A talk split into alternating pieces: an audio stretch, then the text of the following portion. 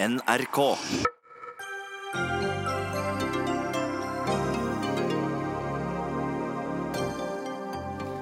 Fagdommerne underkjente juryens frikjennelse av Eirik Jensen for narkotikakriminalitet.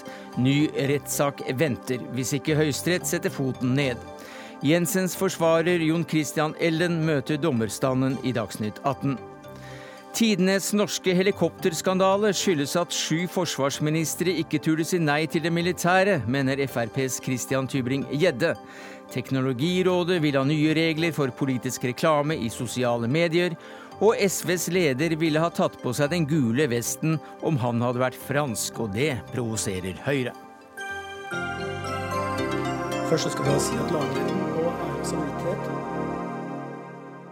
Ja, det er sakene vi har på menyen i eh, Dagsnytt 18 denne mandagen, der vi begynner med at juryen altså erklærte Eirik Jensen skyldig i spørsmålet om grov korrupsjon, men uskyldig i spørsmålet om narkotikakriminalitet.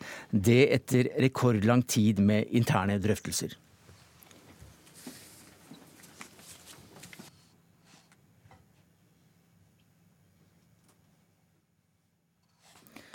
Der trodde vi at vi skulle ha et klipp fra juryens eh, kjennelse, men eh, de sa altså da nei til eh, at Jensen var skyldig i narkotikakriminalitet, men ja til grov korrupsjon. Så en time senere kom de tre fagdommerne ut og sa noe ganske annet.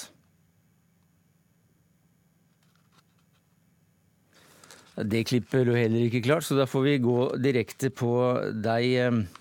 Eh, som er forsvarer for eh, den eh, tiltalte Jon Christian Elden. Det som da skjedde, var altså at fagdommerne kom ut, sa at de var, hadde en enstemmighet i at Jensen måtte ta en ny rettssak fordi juryens kjennelse ble satt til side. Og det reagerte du sterkt på. Hvorfor det? For dette var en sak som besto av en ren bevisvurdering. Det var ikke noen juridiske kompliserte spørsmål som eh, juryen var bedt om å ta stilling til. De ble bedt om å foreta en vurdering av en rekke indisier uten noen konkrete og avgjørende fellende bevis var nok til å finne Jensen skyldig i narkotikainnførsel. Og når lagretten da sitter i seks dager, gjør jobben sin samvittighetsfull, ordentlig og grundig, og kommer tilbake og sier eh, nei, så skulle det ha blitt resultatet. Men uh, du anket dette, og, og hvorfor det? Jo, Vi anker dette til Høyesterett fordi eh, vi mener at dette er en misbruk av loven fra lagdommernes eh, side. De har en adgang, men ingen plikt til å sette til side et eh, nei-svar. Og de skal bare gjøre det hvis lagretten viser uforstand eller ikke gjør jobben sin på en skikkelig måte. Og det er ingenting som tyder på at lagretten har gjort noe feil her. De har tvert imot vurdert bevis, og de har vurdert dem på en annen måte enn disse dommerne gjorde. Men det er altså ikke de som bestemmer. Men det betyr vel da at du mener resultatet fra juryen antagelig vil være bedre enn en han Jensen oppnår i en ny rettssak? Nei, vi tror at resultatet vil bli det samme, men at han skal godt vente i to til tre år til på å få et endelig resultat på en frifinnende dom, det syns vi er helt unødvendig. Vi skulle hatt med oss eh, Jon Kappelrud, Cappelrud, som er eh, i, på Tyholt, og han er med oss som som ekstraordinær lagdommer i Frostating lagmannsrett, og også da med i en gruppe som um, kalles for dommernes mediegruppe. Vi har jo da uh, spurt både uh, dommerne, vi har spurt juryen, vi har spurt aktoratet og vi har spurt Riksadvokaten om de ville stille. Det gjorde de ikke, men vi er glad for at du stiller, Jon Cappelrud. Hva mener du en begrunnelse for å tilsidesette en juries kjennelse bør være? Ja, det er jo som eh, Elden sier, at uh, fagdommerne må jo være overbevist om at det er uh, utvilsomt at tiltalte er skyldig. Og i dette tilfellet så må jo det komme av at de har vurdert bevisene på en helt annen måte da, enn lagretten har gjort, og funnet at bevisene er så sterke når det gjelder eh, det faktiske, at eh, Jensen utvilsomt må være skyldig. Og dette er en oppgave som fagdommerne fagdommeren er pålagt gjennom Høyesteretts praksis. Men det er jo vanskelig for meg da å, å, å, mene det ene eller det andre om hvorvidt denne vurderingen er riktig eller ikke. Og det er riktig som Elden sier, at det er en kan-bestemmelse. De trenger ikke sette det kjennelsen til side. Men det er vel slik da at når det gjelder dette som er tidenes sak mot en polititjenestemann når det gjelder medvirkning til narkotikaforbrytelse og korrupsjon, så har de hatt vondt for å tenke seg at f.eks. prosessøkonomiske hensyn skulle tilsi at de ikke satte den kjennelsen til side. Og Det er ikke prosessøkonomiske hensyn som er tema her, det er jo en ren bevisvurdering. Det er spørsmålet er det bevist ut av enhver rimelig tvil at han er skyldig i medvirkning til narkotikaførsel, eller er det ikke. Og Når de som skal avgjøre dette, nemlig folk gjennom juryen, da har svart nei, så burde det vært tilstrekkelig. Ja, det er jo det som er det vanskelige her. At uh, fagdommerne er pålagt denne oppgaven gjennom Høyesteretts praksis. Og det er jo vondt for meg å kritisere dem for det skjønn de har utøvd. De har jo sittet der under hele saken og hørt på bevisføringen og foretatt sine egne vurderinger, uten at jeg skal si at de er mer skikket til å foreta bevisvurderinger enn lagretten, juryen er. Men de har altså funnet det utvilsomt at bevisene er sterke nok til at tiltalte må være skyldig. Det er vanskelig å si noe mer enn det om, om det spørsmålet. Og Her kommer det litt som lyn fra klar himmel, for dette var jo en rettsbelæring fra administrator før juryen gikk ut. Eh, og hvor det ble presisert at dette var opp til lagretten å ta stilling til. Hun hadde ingen føringer, Dommeren hadde ingen føringer i den andre retning. Det var bevis på den ene side og på den annen side, og her måtte lagretten avgjøre dette suverent. Jo, men vi står da igjen med at, um, at um, fagdommerne er i sin fulle rett til å sette en slik kjennelse til side, men du mener at det var ikke nødvendig, og det bør være svært nødvendig, mener du, for at man skal gjøre det? Er det slik å forstå? Ja, Det skal ikke bare være nødvendig, men det skal være slik at, at jurymedlemmene eh, har vært uforstandige i sin atferd, at de har opptrådt i strid med lov eller dommerforsikring, eh, før da fagdommerne bør benytte seg av den retten til å kunne sette en avgjørelse til side. Og det er ingenting som tyder på det i denne saken, hvis man bygger på rettsbelæringen til nettopp lagmannen. Men Kabelrud, hvis du ser nå på at at kjennelsen frikjente Jensen på uh, spørsmålet om, om, narkotikakriminalitet, men dømte ham for korrupsjon. Mange sier jo da at disse to tingene henger så nøye sammen at det da blir vanskelig å f.eks. skrive en dom som ivaretar både et ja og et nei i disse spørsmålene. Hva sier du til det? Ja, Det er jo det som har vært utfordringen for fagdommerne. Og det er vel det at de på bakgrunn av bevisføringen mener at det er en slik sammenheng mellom medvirkning til eh, innførsel av narkotika og eh, korrupsjonsdelen av, eh, av saken. Men det er vel slik da at lagretten har sett på de andre forholdene som er bevist, og som gjelder da gaver. Det er dette, dette berømmelige badet, det er denne klokka osv. At de må ha sett hen til det når de har tatt denne avgjørelsen. Mens fagdommerne for sin del da må jo ha sett en sammenheng her som tilsier at man vanskelig kan dømmes for eh, korrupsjon uten at dette har sammenheng med medvirkningen til eh, narkotikaforbrytelsen. Jeg deler oppfatningen din om hva lagretten var bygget på. fordi Det er fullt ut forståelig eh, hvis lagretten sier at eh, Cappelen som kilde og informant til Jensen er i et eh, yrkesmessig forhold til han, og da skulle ikke Jensen ha f.eks. mottatt en klokke eller f.eks. ha latt han hjelpe til å bygge et bad. Det vil være utilbørlig, eller kan være utilbørlig, helt uavhengig av om han har vært med på å smugle noe narkotika. Så det er ikke noe vanskelig å forstå det svaret som lagretten kom til.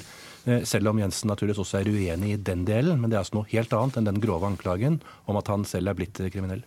Frode Sulland, du er advokat, tidligere leder av forsvarsgruppen. Eh, det er ikke ofte at vi opplever at eh, fagdommere tilsidesetter en eh, juryavgjørelser. I hvert fall ikke på, på, dette nivået som vi snakker om nå.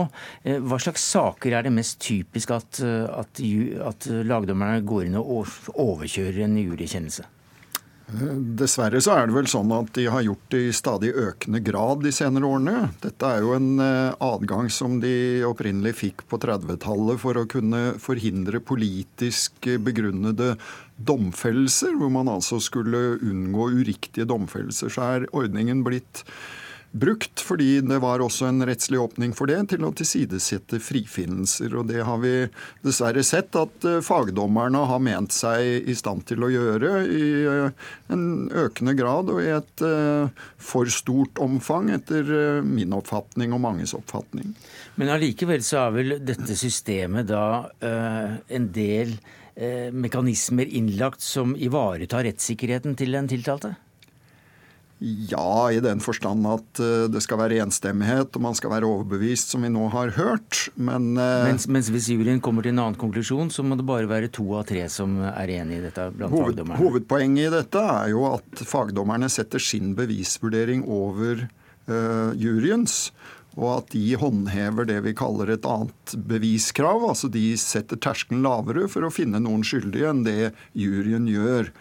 Eh, og Sånn sett så er det jo uheldig at man ikke respekterer eh, avgjørelsen og har gjort eh, disse tilsidesettelsene til noe mer ordinært enn det det var ment å skulle være. Men går det an å forklare dette da ut ifra som ble nevnt, at det er vanskelig å skrive en dom i denne saken? Ja, jeg, selv om det altså etter min oppfatning er, er, klart uheldig, og at man kunne unngått dette, også ut fra det Jon Christian Elden sier, med at det ville la seg gjøre å begrunne og forstå at man fant eh, Jensen skyldig i det ene, men ikke det andre. Så kan man jo på den annen side si at det er kanskje ikke så overraskende. Vi hadde en ganske klar tingrettsdom som fant Jensen skyldig på begge punkter, enstemmig. Og man har altså sikkert også tenkt seg en utfordring med å begrunne straffeutmålingen i forhold til en korrupsjonsdom, hvor de som eh, var med på dette, altså fagdommerne, mente at eh, korrupsjonen hadde nær sammenheng med narkotikaforgåelsene. Men ville det da vært lettere for fagdommere å faktisk eh, godkjenne juryens kjennelse hvis det hadde vært frifinnelse på begge spørsmål? Ja, det er nok en nærliggende spekulasjon, men alt dette blir jo spekulasjoner. Både om hva som har gått gjennom hodene til juryen og gjennom hodene til fagdommerne.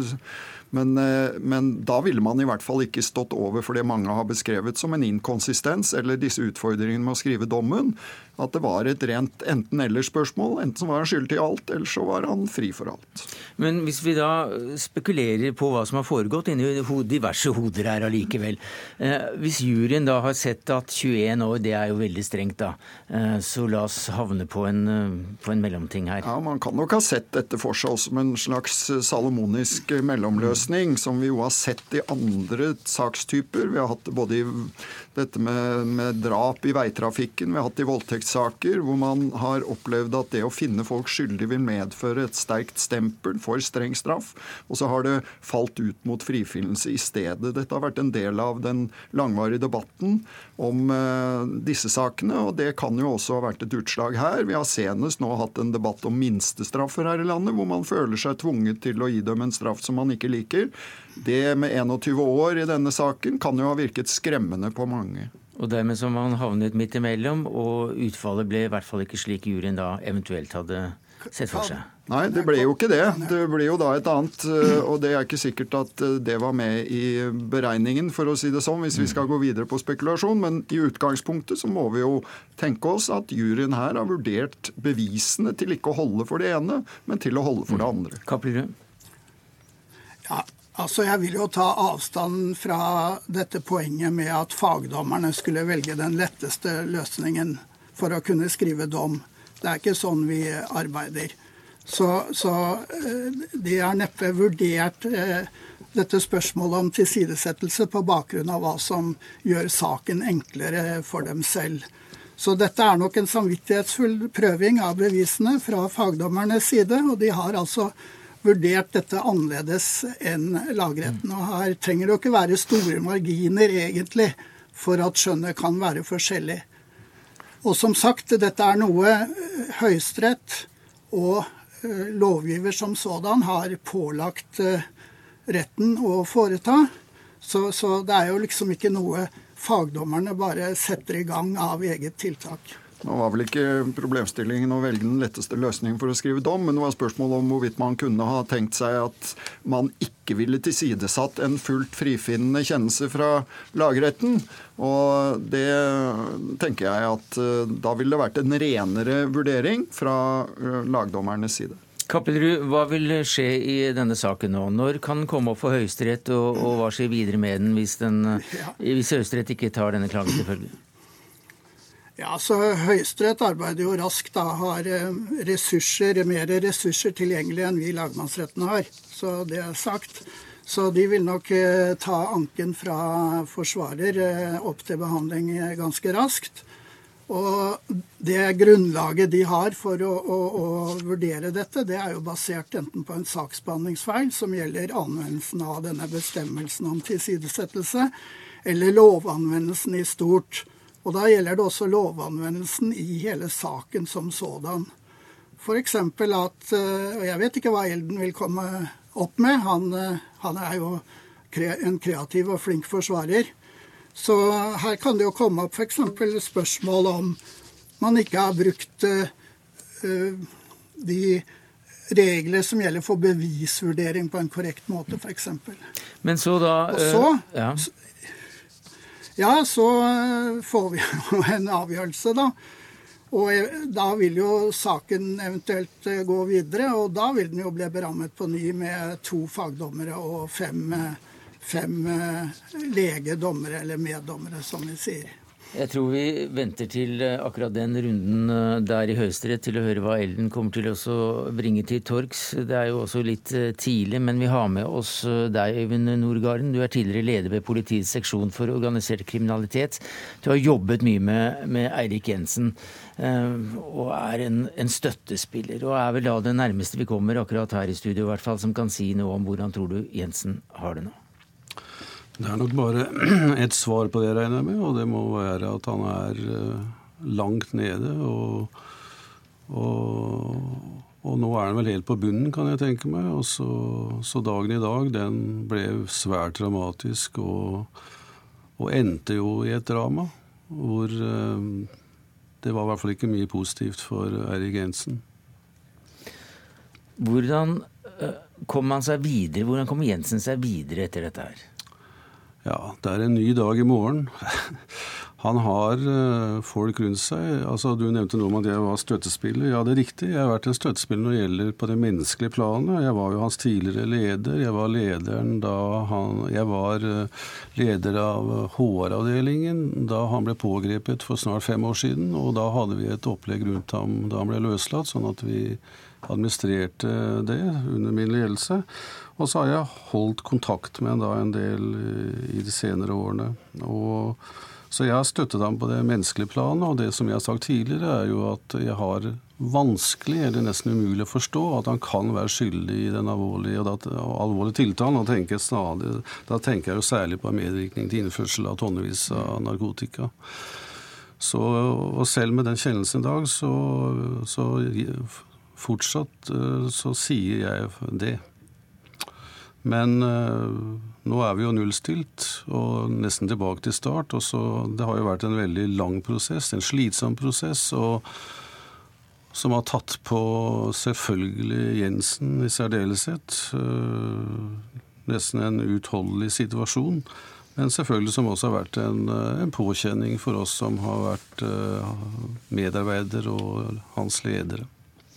Takk skal du ha, eh, Øyvind Nordgarden. Takk til Frode Sulland og til Ellen og til Kappelrud der i eh, Tyholt. Vi skal eh, ikke gi oss med Jensen-saken, men vi skal høre et par journalister som har jobbet mye med den. Astrid Mæland er på vei inn i studio etter hvert som herrene går ut. Du har fulgt saken tett som kommentator i Verdensgang, og du skriver i dag at det var umulig å ikke synes synd på Jensen da dommerne satte frifinnelsen til eh, stede. Og vi hørte jo her eh, en god venn da si hvordan Jensen antagelig har tatt det. Hva sier du nå? Ja, det er klart det. Han har vært drevet gjennom det her siden januar 2014. Da ble eh, Eirik Jensen arrestert. Det har vært stor medieoppmerksomhet. Det har vært to rettsrunder, begge to på over et halvår. Han har vitna, og han har blitt utsatt for andre vitner, og politietterforskning, avhør.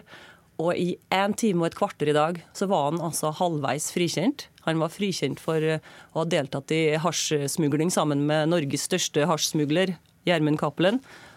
Og bam! En time og et kvarter etterpå så kom altså dommeren inn og sa snudde om på det hele. Og sa at det var bevist uten over enhver rimelig tvil at han òg har deltatt i hasjsmuglinga. Ja, for det, det, er vel da riktig slik mange mener at for Jensen så var det viktigste å, å bli frikjent, frikjent, for akkurat narkotikakriminalitet? Dette er jo en svært kjent politileder som har jobba mot narkotika i hele sin yrkeskarriere. Han har jobba mot organisert kriminalitet og narkotika, vært leder i ulike sjefsstillinger i Oslo-politiet nettopp mot dette. Det må jo være forferdelig å ha på seg en narkodom der du altså har bidratt til akkurat det du er betalt og ansatt for å kjempe mot. Vi har altså som sagt invitert både Riksadvokaten, statsadvokaten, dommere og juryen. Eh, men de vil ikke komme. Men heldigvis så sitter du i Bergen, Eirin Eikefjord, som jurist og kommentator da i Bergens Tidende. Eh, det eh, fagdommerne gjorde, det er å spytte på juryen, sa Eirik Jensen i dag. Hva sier det deg? Jeg syns absolutt at det, det rokker jo ved det systemet man nå en gang eh, har, at man skal dømmes av likemenn. Eh, så jeg forstår jo den reaksjonen der.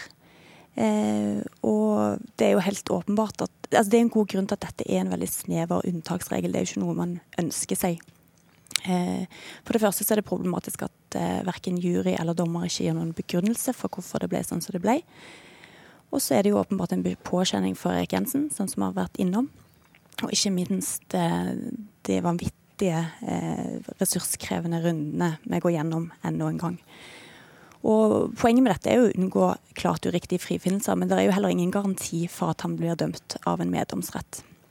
Nei, For denne ordningen med å tilsidesette kjennelser fra juryen er vel først og fremst ment for å ivareta tiltaltes rettssikkerhet. Altså eh, hvis juryen finner en domfellelse mest rimelig, ja, så kan lagdommere komme inn og si at nei, hør her, dette, dette er nok feil.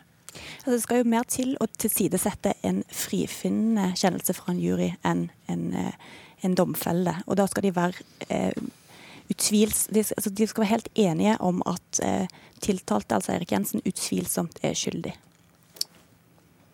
Og du mener at eh, det var allikevel riktig å tilsidesette juryens avgjørelse, Astrid Mæland? Ja, det her er jo noe som dommerne selvsagt har diskutert eh, før dagen i dag, og de må jo følge sin overbevisning.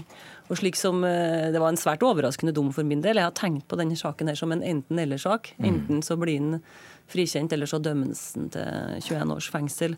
Og det henger jo ikke logisk sammen, sånn som eh, de forrige som var på besøk i studioet ditt sa. Altså, hvis eh, Eirik Jensen har gjort seg skyldig i eh, grov korrupsjon, så må han jo ha latt seg smøre av en eller annen grunn. Og da er det jo nærliggende å tenke at det henger sammen med hasjimperiet. Nettverket til mafiosen Gjermund Cappelen. Hva annet skulle han latt seg smøre for? Det, jo, det er jo akkurat som Eirin er inne på, det, der mangla vi jo en begrunnelse. I tingretten fikk vi 100 siders begrunnelse for dommen, og nå trenger jo ikke juryen å begrunne det, og da kommer det lettere til slike litt uh, ulogiske dommer, vil jeg si. Men viser ikke det da at juryordningen eh, ikke var liv laga? Jo, jeg vil si det. Dette er to strek under svaret. Nå er juryordningen over. Finito. Dette var jo den siste dommen vi har hatt eh, i Norge. Den er avvikla fra 1.1. Og er det en svanesang, en passende svanesang, så er det vel dette. Altså at uh, dommerne tilsidesetter uh, det de har sittet i seks dager og diskutert og diskutert og diskutert i juryen, sliter seg fram til et svar, og så er det nei. Eikefjord. Ja, altså jeg vil jo også si at Motargumentene mot eh, juryordningen, og særlig denne her tilsidesettelsesfunksjonen, har jo spilt seg ut eh, live i retten i dag. Og Det er òg et tankekors at en arkaisk ordning som nå avskaffa av eh, Stortinget, får bestemme utfallet av en av de mest oppsiktsvekkende straffesakene i nyere tid. Men dette var også da absolutt siste jurymelding. Og så tilsidesettelsen. Det er jo drama, bare det? Ja, det var utrolig ja, hva skal jeg si, eh, nervepirrende være i retten i dag. Eh, det var store bølgedaler, og aller mest så syns jeg jo synd på Jensen, men jeg var òg ganske overraska, ganske spent, og jeg tenkte at eh, når vi fikk den dommen vi gjorde, som sto i nærmest, Den sto jo ikke, men som varte i en time og et kvarter, så tenkte jeg at den her må settes til side. Eh, dette er da altså en, eh, en, sak der det har blitt litt eh, spekulert på om Jensen er purk eller skurk. Kommer vi nærmere et svar på det i dag, da, når fasiten er, er foreløpig satt, Eikefjord? Så det vi vet nå, er jo at tre dommer fra Borgerting lagmannsrett er helt enige om at det er helt utvilsomt at Jensen er skyldig på alle punkt. Vi har òg en veldig krass dom fra Oslo tingrett som sier det samme. Eh, så dette viser jo òg at det faktisk er en fordel for en tiltalt å bli dømt av en jury. Eh, og før fagdommerne blandet seg inn, så var jo resultatet det beste han kunne håpe på, mener jeg. Ja, altså Nå la jo juryen opp til at han skulle bli dømt eh, til grov korrupsjon, som er en strafferamme på ti år. Han ville riktignok ha fått eh, langt kortere fengsel enn det lå han etter tingrettsdommen på 21 år. Kanskje han ville fått fem år eller seks år, eller noe sånt. Men det er òg ganske alvorlig. Det er ikke så mange politimenn, toppledere i politiet, ingen, som har blitt dømt eh, for så alvorlig korrupsjon tidligere. Det ville vært svært alvorlig uansett her. Mm. Astrid Mæland og Eirin Eikfjord, takk for at dere kom til Dagsnytt 18. Dagsnytt 18 alle hverdager kl 18.00 på NRK P2 og NRK2.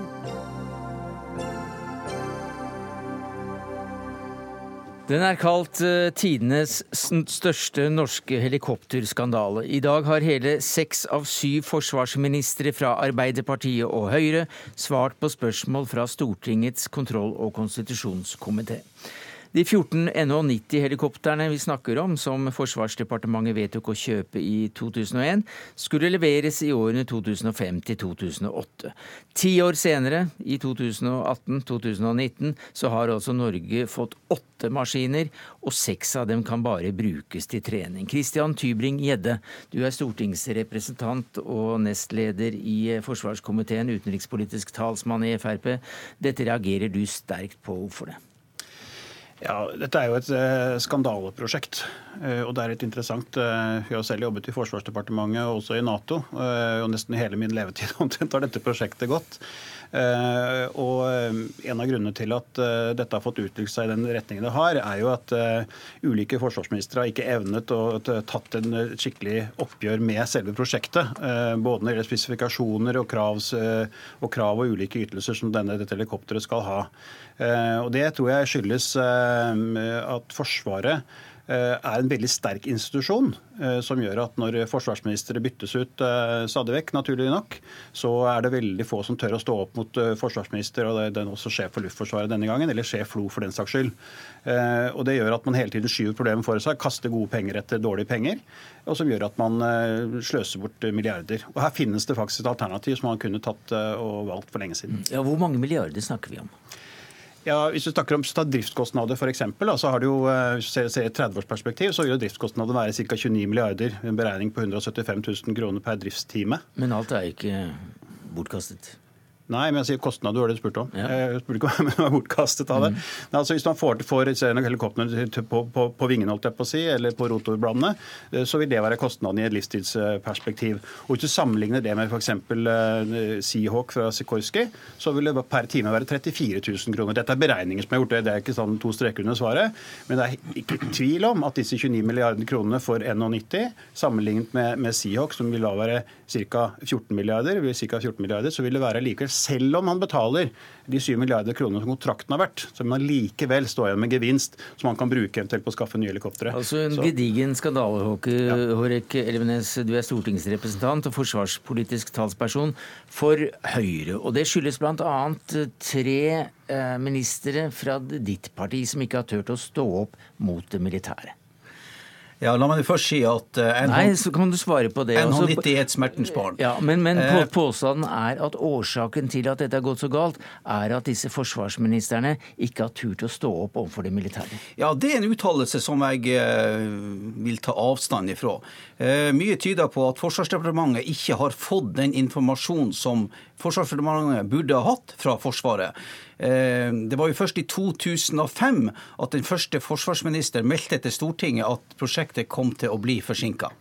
Eh, Nåværende forsvarsminister, som er fra Høyre, eh, sitter jo på en måte oppi noe som han egentlig lite kan gjøre med de alt vesentlige beslutninger i dette prosjektet var tatt før han eh, tiltrådte. Eh, og prosjektet jo, men var lagt. Dere har hatt to andre forsvarsministre fra Høyre, så helt fri går heller ikke Høyre. Ja, det var jo Kristin Krohn Devold i 2005, og ja. under hennes eh, periode så ble jo Stortinget faktisk orientert om at dette kom til å bli et forsinka prosjekt. Så, så Høyre toer sine hender her? Nei, det gjør vi ikke det. Dette er et, et smertens barn, en lidelseshistorie. og Det lar seg ikke gjøre å forsvare dette prosjektet fra A til Å. Men det er jo en grunn til at ting har blitt som det har blitt. Ja, og, og Tubring-Edde sier også da at grunnen er at eh, forsvarsministrene er for svake i eh, forhold til Forsvaret selv. Nei, Grunnen til at dette har gått som det har gått, det var at det starta med ideen om å lage et enhetshelikopter. Eh, de europeiske landene skulle ha et felles helikopter. Og når man begynte å utarbeide sine egne spesifikasjoner og egne, egne behov, så viste det seg at det ble 27 forskjellige varianter av dette helikopteret. Og da gikk det fra å være et antatt eh, prosjekt basert på kjent teknologi, til å bli et utviklingsprosjekt. Og gjennom det så har altså dette prosjektet spora fullstendig av og blitt noe langt annet enn det som man opprinnelig eh, trodde at det skulle bli. Men når det er sagt, så er dette et veldig godt helikopter når det endelig kommer på vingene, som det norske forsvaret kommer til å få glede av. Men hvis man skulle ha tatt denne beslutninga i dag, basert på det man vet i dag, så hadde man antagelig ikke gått for NH90. Nei, jeg er ikke helt sikker på du, hvor rett du har. Ifølge noen papirer her, så, så tåler ikke det helikopteret norsk vær og vind, og er det ganske ubrukelig hvis det skal settes på et uh, fartøy til kystvakt. Ja, Da må jeg bare få lov å supplere med opplysninger som kom fram i høringa i dag. Forsvarsministeren sa jo, og faktisk forsvarssjefen også, sa jo at dette var et eh, helikopter som fungerer meget godt under krevende klimatiske forhold til havs. Altså, her det, må man skille litt. For, for det første så Den konkurrenten som man egentlig ser på, er den amerikanske Siok fra Sikorsky. Eh, den, det er ikke sånn at amerikanerne ikke flyr under arktiske forhold, eller ikke flyr der det er mye vind, eller ikke lander på ulike steder. Så det er ikke sånn at dette helikopteret ikke er i stand til å, å, gjøre det. Det er at Norge har helt, helt spesielle spesifikasjoner som da Luftforsvaret mener er helt, helt nødvendig for norske klimatiske forhold. Og det er ikke sånn at de norske forholdene og klimatiske forholdene er helt unike i verden, slik at vi må ha helt, helt spesielle spesifikasjoner på våre helikoptre. Det er der det starter. Når vi begynner med den type form for helt disse 27 spesifikasjonene som eh, Hårek Elnes her snakker om, det trenger man ikke. Man trenger ikke å sette så spesielle krav på helikopteret. Man er nødt til å finne løsninger som er mye rimeligere enn man har i dag, selv om de ikke løser absolutt alle utfordringer som Forsvaret eh, kan tenke seg å få i fremtiden. Du ser hva som skjer når vi gjør på denne måten. Så finner man et helikopter som ikke kan levere noe av det. Vi er nødt til å finne et minste felles multiplum som løser oppgavene uten å være helt unike i det de skal gjøre. Feil leverandør, altså. Ja, hvis man hadde hatt den kunnskapen i dag og skulle kontrahert et helikopter, så hadde man gått til en eh, helikopterleverandør som hadde et standardisert helikopter, og så har man gjort modifikasjoner på det, slik at man har fått et helikopter som har vært eh, tilpassa norske forhold. For det, uansett hvem man hadde valgt som leverandør, så måtte man gjort modifikasjoner som gjør at dette eh, helikopteret og det noe langt mer enn helikopter. Det er et system som skal kommunisere eh, med kystvaktskip, med fregatter, mm. og ha sensorer som er kompatible med disse systemene. Så Det er for enkelt å si at man kunne hente en Seahawk ut fra Sikorski sitt varelager og sende inn i det norske forsvaret. Det blir en for enkel eh, tilnærming til saken. Riktig. Det er vel ingen som sier, som må ikke mm. late som noen sier det de ikke sier. Altså, Danmark har valgt en annen løsning. De trakk seg ut av prosjektet, for de fant at de kunne løse deres problem med en annen, uh, annet helikopter. Siok var det som var er aktuelt, det var aktuelt, og det er aktuelt. Ja vel, det er en gammel konfigurasjon på Seahawk også, men er i hvert fall i stand. Den flyr, og den vil være mye billigere i drift, og mye billigere reservedeler og mye billigere logistikk. Så det er faktisk mulig å gjøre det. Det kan man gjøre enda, men for nå skyver man det foran seg. Nå blir det 2021 snakker man om nå, så blir det kanskje 2023. Og fra 2023, fra helikopteret fra NHI, som industrien heter, det ble etablert i 1993. Vår eh, helikopterbestilling kom i 2001. Vi snakker altså om 30 år fra det startet til vi får et helikopter, og det går ikke an. Dag Terje Andersen, som leder av kontroll- og konstitusjonskomiteen på Stortinget, også Arbeiderpartimann, stortingsrepresentant, så har du sittet helt stille og hørt på denne debatten mellom Arbeiderpartiet og Frp. Det er litt sånn eh, Hvem, hvem, hvem Høyre og Frp, hvem er det som har skylden her? Nei, Det som i hvert fall er helt klart, og som for så vidt, selv om ikke jeg skal gjøre Tybring-Gjeddes ord til minne, så, så, er det slått fast i løpet av høringa i dag at de forskjellige forsvarsministrene har fulgt de faglige råd de har fått. Eh, det, det, det, det er riktig. Eh, så kan en stille spørsmålet hvor lett vil det være å gå imot det. Eh, det som jo er en realitet, at Eh, forsvarsminister Espen Barth Eide mens han var statsråd, satte i gang en utredning med tanke på å få vurdert om det var riktig å eh, eller avslutte kontrakten. Eh, den utredninga starta i 2011. Men der ble altså også den faglige konklusjonen at det ikke ville være riktig å gjøre. Det vi helt klart har fått se, da, for det er et, det, prosjektet er ille. Uh, ja, hvor ille? Ja, Det er ille fordi det er stort i beløp. Uh, nå var det snakk om beløp inkludert framtidige driftskostnader, men bare bare anskaffelseskostnaden med den logistikken som skal på plass, er jo 11 milliarder eh, kroner. Så det er stort i kroner. Eh, og eh, alle land som har kjøpt det her helikopteret har fått forsinka leveranser. Men det Riksrevisjonen påpeker, og som har vært et tema for oss i dag, er har Norge sjøl bidratt til noe av leveransene. Med å ha en for dårlig organisasjon på to områder. Det ene er i forhold til at eh, apropos spesifikasjoner og særegenheter, vi mener jo at et helikopter til norskekysten og i Barentshavet har en del spesielle behov. Bl.a. det som Seahawk ikke har på Grønland, nemlig det at det kan flyte hvis det må lande på vannet, for å ta et helt konkret eksempel. Men men i og med at organisasjonen i Norge har vært så lite effektiv, eh, så har de ønskene, de spesifikasjonene som vi har levert til produsenten, òg blitt forsinka. Det kan ha igjen vært med å forsinke eh, leveransene på helikopter. Og så er det i mm. hvert fall helt klart at den organisasjonen som skal ta imot helikoptrene, drifte helikoptrene, vedlike helikoptrene, eh, vedlikeholde dem når de kommer til Norge, og har vært for seint mm. på plass. Så det er mye å kritisere her. Det er det ingen tvil om. Ja, jeg går tilbake til der jeg startet. for Jeg tror rett og slett at eh, Forsvaret er den sterkeste si, institusjonen i offentlig sektor hvor det, er, hvor det er vanskeligst å være en tøff statsråd. Eh, rett og slett fordi at eh, Hvis du skal utfordre det, uten å si noe galt om forsvarssjefen, men forsvarssjefen har vært, eh, har gått sine barnesko i uniform og kommet opp til å bli firestjerners general og forsvarssjef. Og det er klart at På hans bakgrunn så vil han være et veldig solid argumentasjon. Samme gjelder på sjef Flo, som er en uh, utmerket person, men men akkurat samme situasjon. Også sjef Luftforsvaret.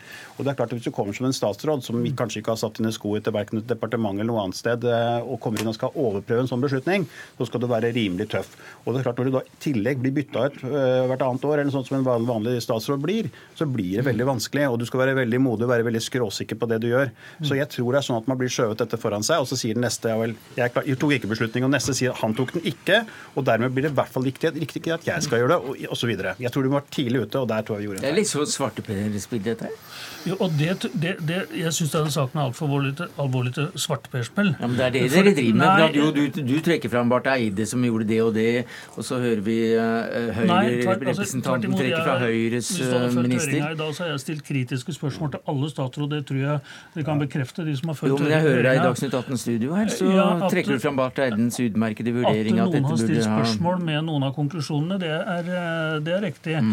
Men det her bør absolutt ikke bli svarteperspill. fordi at her er det sånn at fra første beslutning og til de siste beslutningene så er det sånn at statsrådene har eh, bygd på de faglige råd de har fått. og Så kan man diskutere hvorvidt det bestandig er riktig, men det er nå i hvert fall det de har gjort. Og det har heller ikke vært noe alternativ fra opposisjon. Og her har både de som nå er i regjering, sittet i opposisjon, og de som nå er i opposisjon, har sittet i regjering. Så det her bør absolutt ikke bli noe svarteperspill, men det bør bli en viktig læreprosess på hvordan ting ikke skal gjøres. Det er riktig, det siste du sier, men, men at det ikke har vært, uh, vært idé på opposisjon. Altså, jeg har vært tidlig ute og kritisert dette prosjektet, og jeg har hatt kjennskap til prosjektet fra før jeg var politiker. Mm. Og kritiserte prosjektet hele veien. Jeg kunne ikke spå at det skulle bli som det ble, men nå ble det sånn, da. Så uh, jo, jeg har vært alternativ. Fremskrittspartiet har ikke satt seg ned rundt et bord og sagt at Fremskrittspartiet vil ha en annen leverandør. Nei, det har de ikke gjort, for det er helt utenkelig å gjøre. Det vil heller aldri noen andre gjøre på noen andre prosjekter, for det vil være å overprøve noe som vi ikke har kompetanse på å gjøre. Men med min bakgrunn så har jeg gjort det. Og det, og det, og det, det står jeg for. Det håper jeg også at man kan registrere. Med, med, respekt å melde, Tybring-Gjedde, så syns jeg at du henger bjella på feil katt. Altså, det er jo en total svikt fra leverandøren her. Og det er ingen av de andre landene som har bestilt helikopter fra denne leverandøren, som har heva kontrakten. Det forteller litt om kompleksiteten i dette. Problemet er at man har gått til en leverandør i utgangspunktet som ikke hadde gjennomføringsevne og leveringskompetanse på det helikopteret, som etter hvert utvikla seg. Dette var et konsortium bestående av fire forskjellige selskaper fra fire forskjellige land med sterke bindinger til regjeringer, som ikke hadde levert et eneste helikopter tidligere. Så etter alle solemerker så var dette prosjektet rigga for å gå feil i utgangspunktet. Ja, og Hvem er det som da bestiller og, skriver under på at vi allikevel bestiller? Det må jo da være regjeringen? Jo, men Det er nettopp derfor det er så feil hvis det her blir en kamp om å mm. forskyve skyld mellom nåværende regjering og tidligere regjeringer. For I denne saken så er det sånn at forberedelsene hadde starta lenge før den første statsråden som var inne i dag.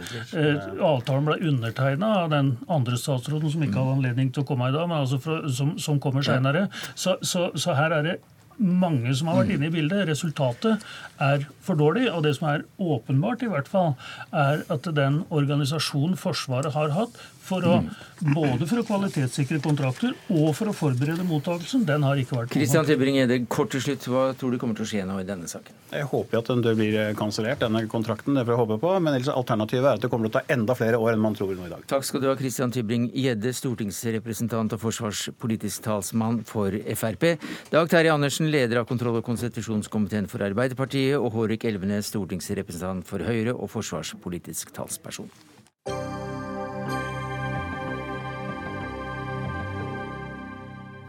De gule vestene har satt Frankrike på hodet i flere måneder. Nå har bevegelsen også blitt eh, en del av en slags norsk debatt, for eh, SV-leder Audun Lysbakken uttalte til Klassekampen at sitat, 'hadde jeg vært fransk, hadde jeg hatt på meg gul vest'. Og reaksjonene lot ikke vente på seg. Stefan Heggelund, du er stortingsrepresentant for Høyre. Du kaller SVs eh, støtte til de gule vestene for uanstendig. Hvorfor det? Det var i hvert fall uansvarlig. La meg si det sånn at Dette var jo en del av et større intervju med Lysbakken. Et hyggelig lørdagsintervju som jeg syns var veldig interessant. Jeg leste det med stor interesse. Han hadde ti bud for vanlige folk, og de fleste av de budene er jeg helt enig om. Og jeg tror det er bra også at veldig mange av dem var ukontroversielle, og at vi har et sånt politisk klima i Norge. Men. Og da syns jeg det er rart at i samme intervju så ytrer han da støtte til denne bevegelsen, som driver jo med voldelige demonstrasjoner. Vi har altså en partileder i Norge som sier at han kunne tenke seg å være en del av en sånn bevegelse. Eh, og så må vi jo ikke glemme hva utgangspunktet for de gule vestene var. Det var en protest mot en økt CO2-avgift, noe vi også kommer til å få i Norge med denne regjeringens politikk, og som jeg vet at også Audun Lysbakken vil være for. Og da havner vi i en felle når vi diskuterer klimapolitikk som vi ikke burde havne i, og som vi må gjøre alt vi kan for å unngå. Og det er å prøve å gjøre klimapolitikk og klimadebatt til en elitedebatt. For det er det minst elitistiske vi kan holde på med. Det er å bekjempe klimaendringene. Audun Lysbakken, du går også mot uh, denne politikken som skal lede oss uh, inn i bedre, bedre, klimapolitikk. Og du støtter voldelig oppførsel i Frankrike. Hva sier du til det?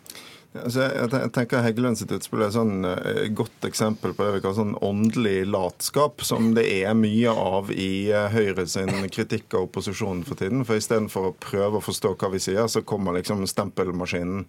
Uh, og jeg, jeg tror sånn, jeg tror de fleste som hører på dette programmet, vet at SV er mer eh, enn Høyre for at forurensning skal koste, mer enn Høyre for en aktiv klimapolitikk. Eh, så det har selvfølgelig ingenting med det å gjøre. Eh, og jeg har jo heller aldri sagt at jeg støtter alt noen i gule vester uh, finner på. Men jeg har sympati for det dette grunnleggende sett er. Nemlig et uh, folkelig krav om mindre ulikhet. Altså Dette er et sosialt opprør, først og fremst. Det handler ikke om klimapolitikk, det handler om den vanvittige ulikheten som har utviklet seg i Frankrike.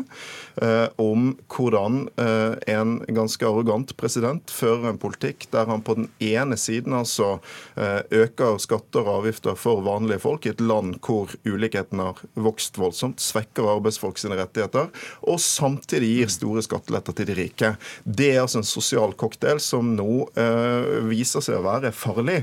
Og, og så ligger, ja, et øyeblikk, ja. vi må nesten få et svar. Ja, Problemet er jo da hvis man prøver å direkte importere den debatten som er i Frankrike, og den bevegelsen som nå er i Frankrike, til en norsk politisk virkelighet. For det har ingenting med hverandre å gjøre. Jeg er helt enig med Audun Lysbakken. Noe av det beste med Norge er at vi har små forskjeller, og det skal vi gjøre alt for å bevare. Og da gjøre et forsøk på å importere en sånn debatt hit, mm. da, da, da pisker man muligens opp en stemning som ikke egentlig har noe med norsk virkelighet å gjøre. Og det er det som er litt alvorlig i denne saken. Jeg importerte den jo ikke til Norge, for jeg sa hvis jeg var fransk. Det er du som importerer debatten til Norge ved å gjøre et stort nummer ut av det, som egentlig handlet om den norske elitedebatten. Men det er noe alvorlig under her likevel. Det er derfor det er dumt at, at Høyre tar det på den der et sånn, litt sånn late måten ved å prøve å angripe eh, SV sin klimatroverdighet. Fordi vi eh, leder jo an ved i klimadebatten i Norge, i motsetning til det Stefan Heggelund sin regjering gjør. Men, men det som er den alvorlige siden ved denne debatten at vi ser nå at de, de to store krisene i vår tid, sånn klimakrisen, som er en akutt trussel mot framtiden vår, og den økende ulikheten i makt og rikdom, hvordan vi er nødt til å løse de i fellesskap. Hvis men, vi skal men da lykkes. så henge seg på denne bevegelsen, så mener altså da Høyres Heggelund at uh, du oppfører deg veldig uansvarlig. Og det er jo fordi at du da ifølge Heggelund pisker opp en stemning som ikke er nødvendig. Det er mulig at det ble opppisket stemning blant uh, Lørdagsklassekampen sine lesere, men jeg tror liksom at folk tok det ganske med ro. Men det som, det som, er, mitt, det som er, mitt, poeng, da, og, men det er et veldig alvorlig poeng, det er at hvis ikke vi makter å skape et samfunn de neste årene hvor de største byrdene bæres av de bredeste skuldrene, mm. hvis ikke vi makter å gjøre noe med ulikheten, så vil det ødelegge vår mulighet til å stoppe klimaendringene. Og det er jo der Høyre, hvis vi skal snakke Norge, svikter veldig. For de fører både en politikk for økt ulikhet samtidig som de ikke tar klimaendringene på alvor. Og det er en miks som er veldig dårlig. Det er alvoret her. Vi må få ned ulikheten, og så ja, må vi føre et øyeblikk, vi, vi må nesten få, få inn Heggelund her. Ja. Jeg er helt enig i at vi skal føre en politikk for små forskjeller, og det gjør vi. Norge er eh, det landet i Europa med nest lavest forskjeller. Det er bra, og sånn skal det fortsette å være. Eh, og så er jeg heller ikke enig i at vi ikke fører en offensiv klimapolitikk. Vi har langt mer ambisiøse klimamål enn det vi hadde da SV satt i regjering. Og nå går vi gjennom sektor for sektor mm. for å få utslippene ned i hele ikke-kvotepliktig sektor. Og vi har en mer offensiv politikk på dette. Og det Men er en av grunnene til når det gjelder tilbake til Unnskyld at jeg avbryter deg. Skal vi altså øke hvert eneste ja. år for at forurenser skal betale. Men, men vi tar ikke begge programmene, altså begge partienes Nei, programmer. Han sier at vi ikke har klimapolitikk, så er det feil. Jeg er enig, men jeg vil gjerne ta denne debatten tilbake til utgangspunktet. Nemlig at SV da støtter en gule vesterbevegelse, og hva den gjør med det norske uh, debattklimaet. Og det er vel en legitim, et legitim kritikk av deg, uten at du da må kalle det eh, eh, åndelig latskap, eller, eller hva, hva, hva, det du kalte det. For det er jo elementer i denne gule vester-debatten som vi kanskje ikke trenger i Norge? Eh, absolutt. Men mitt svar var et legitimt svar. Var, fordi Poenget er at jeg har jo aldri sagt at jeg støtter alt noen i gul vest gjør. Eh, tvert imot er det mange som gjør ting jeg ikke støtter. Poenget mitt var at jeg har sympati for den sosiale protesten som ligger i dette. Husk at her har altså Macron måttet øke minstelønnen, han har måttet gi minstepensjonistene mer å leve av. Dette er viktig. Eh, og eh, det er Det som skjer i Europa i dag, er at ulikheten øker så raskt at det undergraver det sosiale limet i samfunnet, undergraver tillit og samhold. Og det igjen henger sammen med klimakrisen. For skal vi løse klimakrisen, så er vi avhengig av nettopp den tilliten og samholdet. Og da sitter Heggelund her og sånn. Derfor er det din regjering Nå må vi ha Heggelund. Jeg er helt enig, og derfor er det veldig dumt å begynne med en retorikk i dette landet som polariserer, som skaper motsetninger mellom folk, som får klimadebatten til å høres ut som det er et slags eliteprosjekt, og at det bare er Audun Lysbakken som kan løse oss ut av denne situasjonen. For det er ikke den politiske virkeligheten i Norge. Snarere tvert imot. Norge tar et lederskap i klimakampen internasjonalt. Det skal vi fortsette med. Vi har sterke offensive klimatiltak i Norge som gjør at utslippene i Norge de går ned med denne regjeringen. Og det vet Audun Lysbakken. Så det er det reagerer på i denne debatten. Hvorfor skal du polarisere noe vi er enige om. Vi er enige om at små forskjeller er viktig, og vi er enige om at klimakampen skal tas. Fordi, fordi, fordi, utviklingen i Norge nå er at regjeringen bryter klimamålene for 2020, når ikke klimamålene for 2030, får ikke fart i norsk klimapolitikk, og samtidig fører en politikk for økt, for økt ulikhet. Og da beveger vi oss mot den situasjonen du har lenger sør i Europa. Så dere leder oss på feil kurs, og derfor er den debatten relevant og god for Norge også. Uansett, da må, jeg, da må jeg sende dere ut av studio. Takk for at dere kom. Ta på jakker om det er gul eller blå eller hvilken farge som helst. Takk skal du ha, Audun Lysbakken, leder av SV. Stefan Heggelund, stortingsrepresentant for Høyre.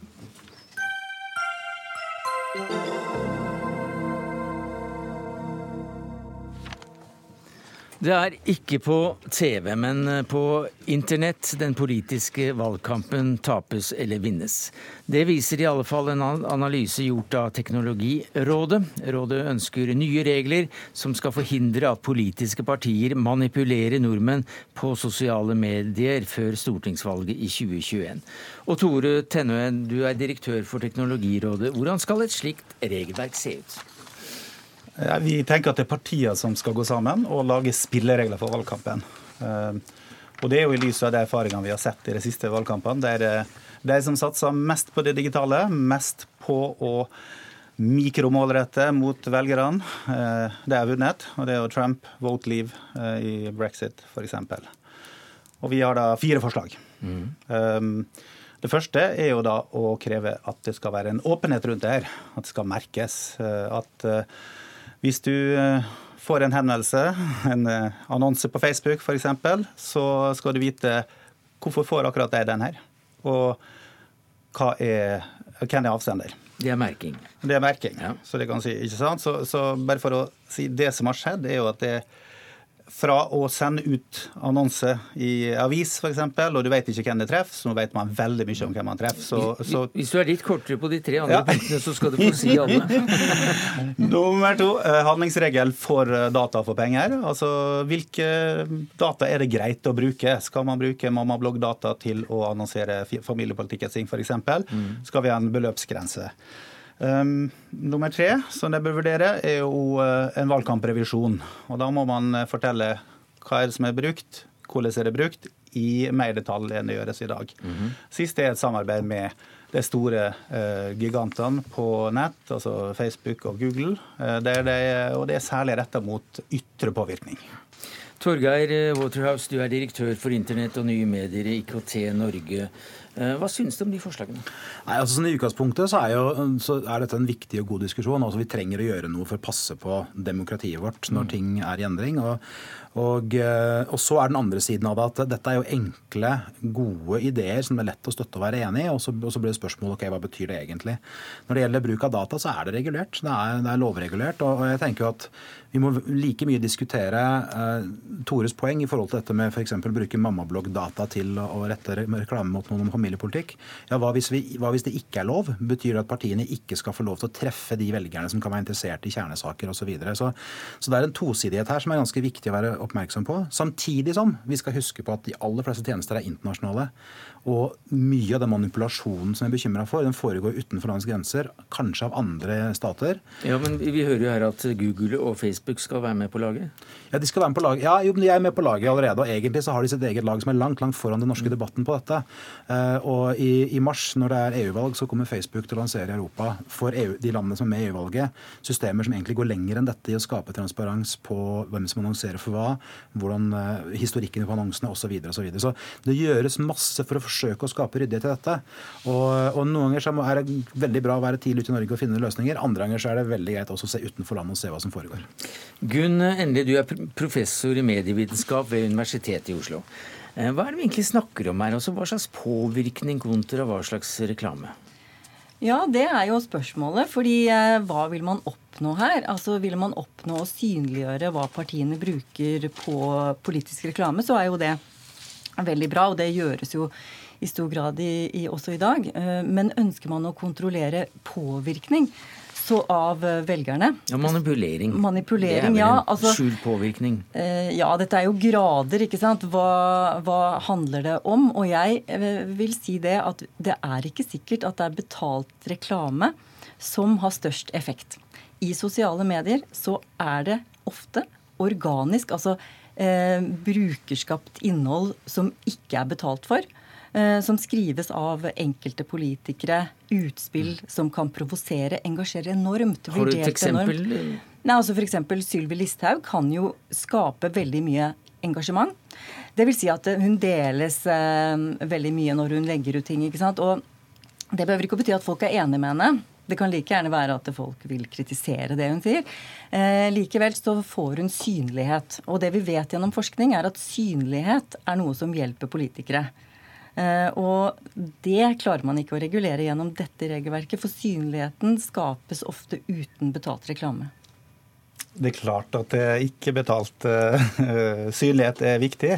Det er jo en grunn til at uh, medlemmene til Torgeir Waterhouse tjener milliarder av kroner på nettopp målretta reklame. Og den virker jo sånn Som i politikken så virker den på samme måte. Jo, men hvor, hvor, skal grensen gå? Altså Skal Sylvia Listhaug Av en eller annen grunn så bruker vi henne som ja. eksempel. Helt tilfeldig valgt, uh, selvfølgelig. Men hun er jo da sett på som veldig flink til å bruke sosiale medier for, mm. å, for å, skape både holdninger og ikke minst debatt. Skal det forbys? Nei. Nei, nei, hun, men hun, hun er flink til å skape oppmerksomhet. Men, men, men, men hvis hun sier uh, 'stem Frp' i en, uh, i en betalt uh, reklame, så Nei, Hvis hun da har basert det f.eks. på psykografi, at hun har brukt Psykografi? Ja, at hun har en psykologisk profil av, av det på Facebook som du vil nå. Så sier du da prøver vi å nå den og den typen folk. Da begynner det å bli litt uh, skumlere, syns jeg. Uh, at man skal type den form for politisk påvirkning. Og Det potensialet vil bli mye større fremover. Og Det vet også Torgeir Waterhouse veldig godt. Det er det som kalles kunstig intelligens, maskinlæring. Det blir billig, og det blir presist. Så klart vi må verne oss mot det her. Men det er først og fremst det vi har foreslått, er jo en åpenhet rundt det. Men det høres, det høres, ut som det er veldig vanskelig å, å trekke grenser for hva som da skal være lovlig og ikke lovlig. Eller hva sier du? Ja, altså det, Mye av det som foregår i sosiale medier, er jo et sånt grenseland. Eh, fordi alle driver jo en slags eh, selvpromotering eller eh, hva skal jeg si, branding. Altså man, man bruker sosiale medier til å presentere seg selv og til å skape dialog. Og det kan man jo sammenligne litt med sånn som man holder på i valgboder. At man, politikere snakker med folk. Og det bør jo ikke forbys eller reguleres eller merkes. Eh, men eh, hvis man sammenligner sosiale medier mer med TV-reklame, eh, så går det jo på betalt innhold. Hvor utspekulert er man i målgruppetenking? ikke sant? Hvor mye kjøper man data? Hvor mye foregår bak kulissene som foregår manipulering? Og, og der er det jo veldig mye vi for så vidt heller ikke har kontroll over her i Norge. Så jeg er jo enig i at det, det kan bli litt eh, vanskelig. Eh, det betyr ikke at, man, at, det er umulig. Men når det gjelder internett, så er jo det mye mer basert på at brukerne selv må regulere og må være smarte og lære seg å se forskjell på betalt innhold, markedsføring og hva som, som er på en måte genuint eh, ja, delbart. da. Ja, og her tenker jeg også at vi, vi har noe av kjernen i det, det internasjonale. Vi må jobbe internasjonalt med dette. Det er internasjonale problemstillinger. Ser vi på de, de mest groteske eksemplene som Tor også har dratt opp, så handler det om land som ikke, vi, som ikke er oss. Uh, og, og, her må vi finne disse løsningene internasjonalt. Nå ser vi at de store aktørene de gjør masse for å, å finne gode løsninger som skal balansere mange forskjellige hensyn. Det ene hensynet er å unngå manipulasjon, samtidig som man skal ivareta at det er lett og greit og helt OK å kjøpe reklame for noe politisk politisk, eller for den del ytre seg, uansett hvor man må stå politisk. Så dette er en balansegang man skal lykkes med. Og så er det som det ble sagt, samtidig viktig at samfunnet for øvrig også blir bedre på å håndtere de nye situasjonene. Media f.eks. Hva gjør media med dette? Altså, eh, det er en enorm forskjell på å være kritisk og undersøkende i forhold til den politiske historien som fortelles i sosiale medier, og si oi, se hvilken kampanje som fikk masse likes. Så, så det å, å, lære folk også å bidra der er viktig. Men, men kanskje viktigst av alt, uh, skille litt mellom hva er det aktørene skal gjøre. De leverer gode, transparente plattformer som støtter lovverk, som allerede skjer i dag. Mm. Og aktørene går jo foran. Samtidig, norske politikere kan velge som Tore sier, å begrense hvilke datasett de tar i bruk til reklame. Hva skal skje med de som da eventuelt bryter eh, loven? da, Tenne? Skal de skytes den som det er Nei, men shame. Hva er strafferammen? Nei, det er rett og slett uh, det er å få kjeft. Uh, det å, for Man snakker jo om å bevare et tillitssystem her, og bryte tilliten, så blir det uglesett. Torgeir Waterhouse, direktør for Internett og nye medier IKT Norge. Tore Tenne, direktør ved Teknologirådet. Gunn Endelig, professor i medievitenskap. Tusen takk for at dere kom til Dagsnytt 18 denne mandagen, der sendinga nå er over. Den ansvarlige for det hele er Jaran Ree Mikkelsen. Teknisk ansvar hadde Frode Thorshaug. Jeg heter Sverre Tom Radøy. Vi møtes igjen i morgen. thank you